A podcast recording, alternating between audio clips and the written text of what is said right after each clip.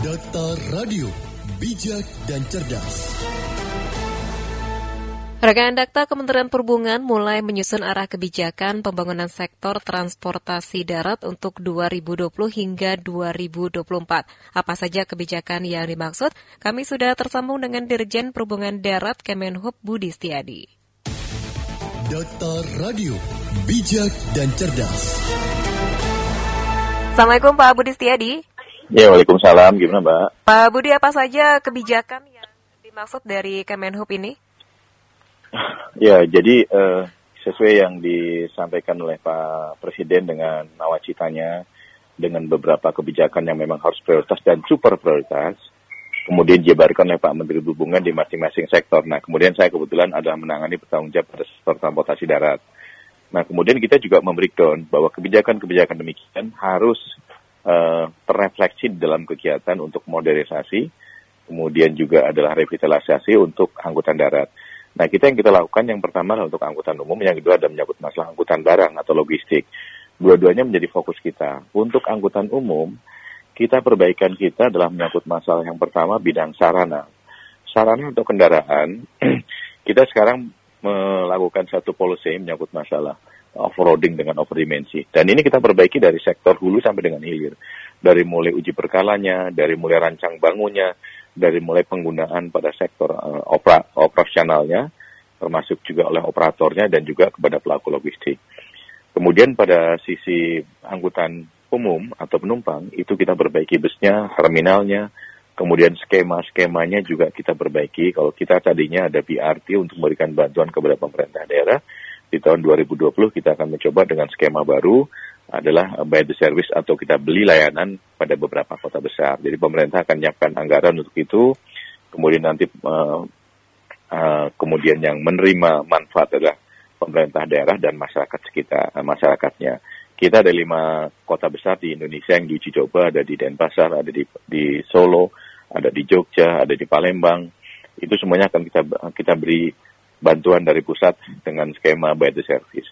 Kemudian selain juga skemanya juga ada menyangkut masalah terminalnya atau uh, infrastrukturnya. Terminal di tahun 2020 kita akan perbaiki sekitar 16 dan yang terminal ini untuk mempercepat karena ada sekitar 120 lebih terminal yang diberikan dari daerah kepada pusat. Kita akan percepat karena keterbatasan anggaran, jadi kita akan mengundang investor investor baik dalam maupun luar negeri yang berminat bisa juga bundling dengan beberapa terminal digabung jadi satu atau kemudian per terminal akan kita bangun secara modern kita bangun sama dengan mungkin uh, sehingga pelayan pelayanan menjadi baik. Itu pada aspek uh, terminal atau sarana. Dan kemudian karena keterbatasan anggaran dengan demikian uh, kita harapkan bahwa sektor swasta bisa masuk sehingga kita akan bisa cepat memperbaiki dan memberikan pelayanan yang kepada masyarakat dari sektor transportasi umum itu. Iya. Itu di antaranya, Mbak. Hmm. Baik, lalu untuk kesiapan dari uh, Kemenhub seperti saat ini bagaimana, Pak?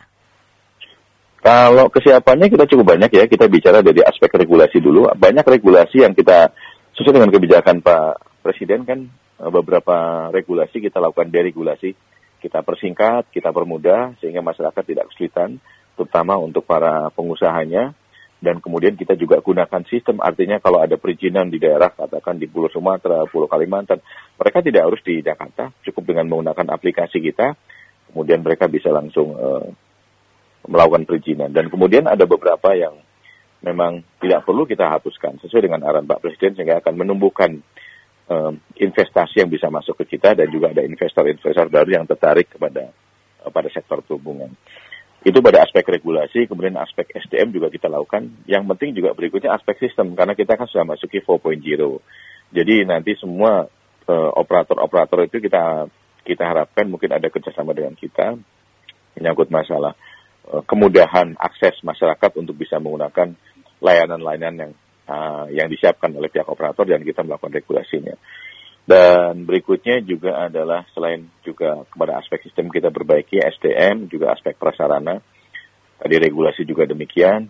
Dan yang kita harapkan adalah semua operator itu selain bicara menyebut aspek bisnis, juga adalah harus uh, sudah menggunakan standar pelayanan minimal dari sisi keselamatan, dari sisi bisnis prosesnya, sehingga semua operator yang kemudian mereka berkecimpung pada bidang transportasi darat itu betul-betul bahwa aspek utama dalam rangka proses bisnis itu bukan kepada keuntungan semata, tapi juga menerapkan satu standar keselamatan yang lebih baik.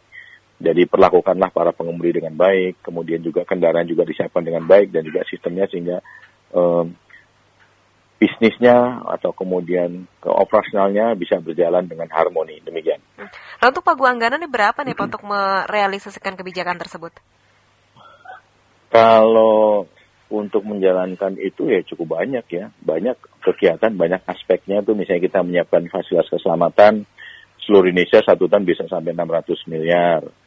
Kemudian kita juga untuk by the service tadi yang saya katakan tadi untuk memperbaiki angkutan umum sebagai proyek di tahun 2020 itu ada lima kota besar kita siapkan anggaran 250 miliar.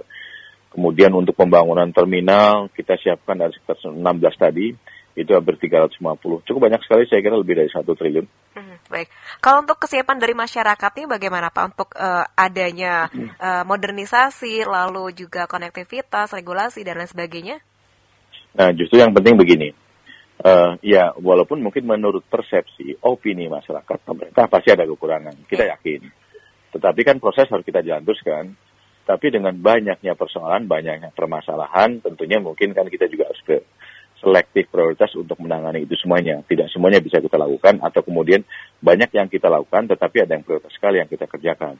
Nah berikutnya adalah uh, respon dari masyarakat. Karena kita melakukan, tidak mungkin kita sendirian, pasti harus ada timbal balik dari masyarakat. Yang kita bangun sekarang sebetulnya bukan adalah kepada untuk kesiapan secara fisik.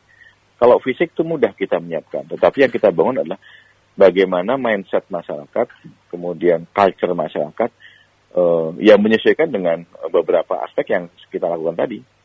Dalam arti bahwa masyarakat harus ada aware terhadap uh, peningkatan progres yang kita kerjakan gitu. Dan kemudian jangan jangan uh, apa ya barangkali dengan adanya kita membuat bus kemudian mereka selalu tergantung dengan nilainya yang kalau keluar rumah pasti harus menggunakan sepeda motor atau iya. menggunakan kendaraan pribadi.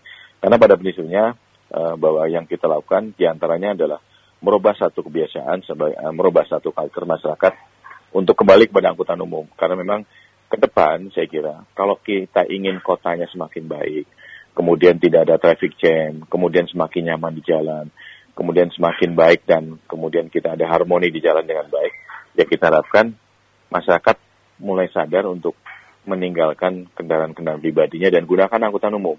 Ada angkutan kota di situ, ada angkutan pedesaan, ada Transjakarta, ada BRT, ada LRT, ada MRT. Gunakan itu semuanya. Hmm, baik.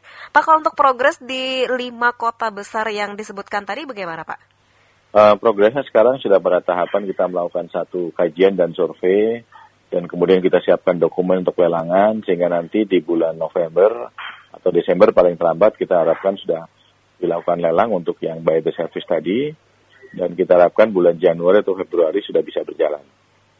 Baik, Pak Budi terima kasih sudah berbincang bersama Radio Dakta. Semoga masyarakat bisa menikmatinya, Pak ya.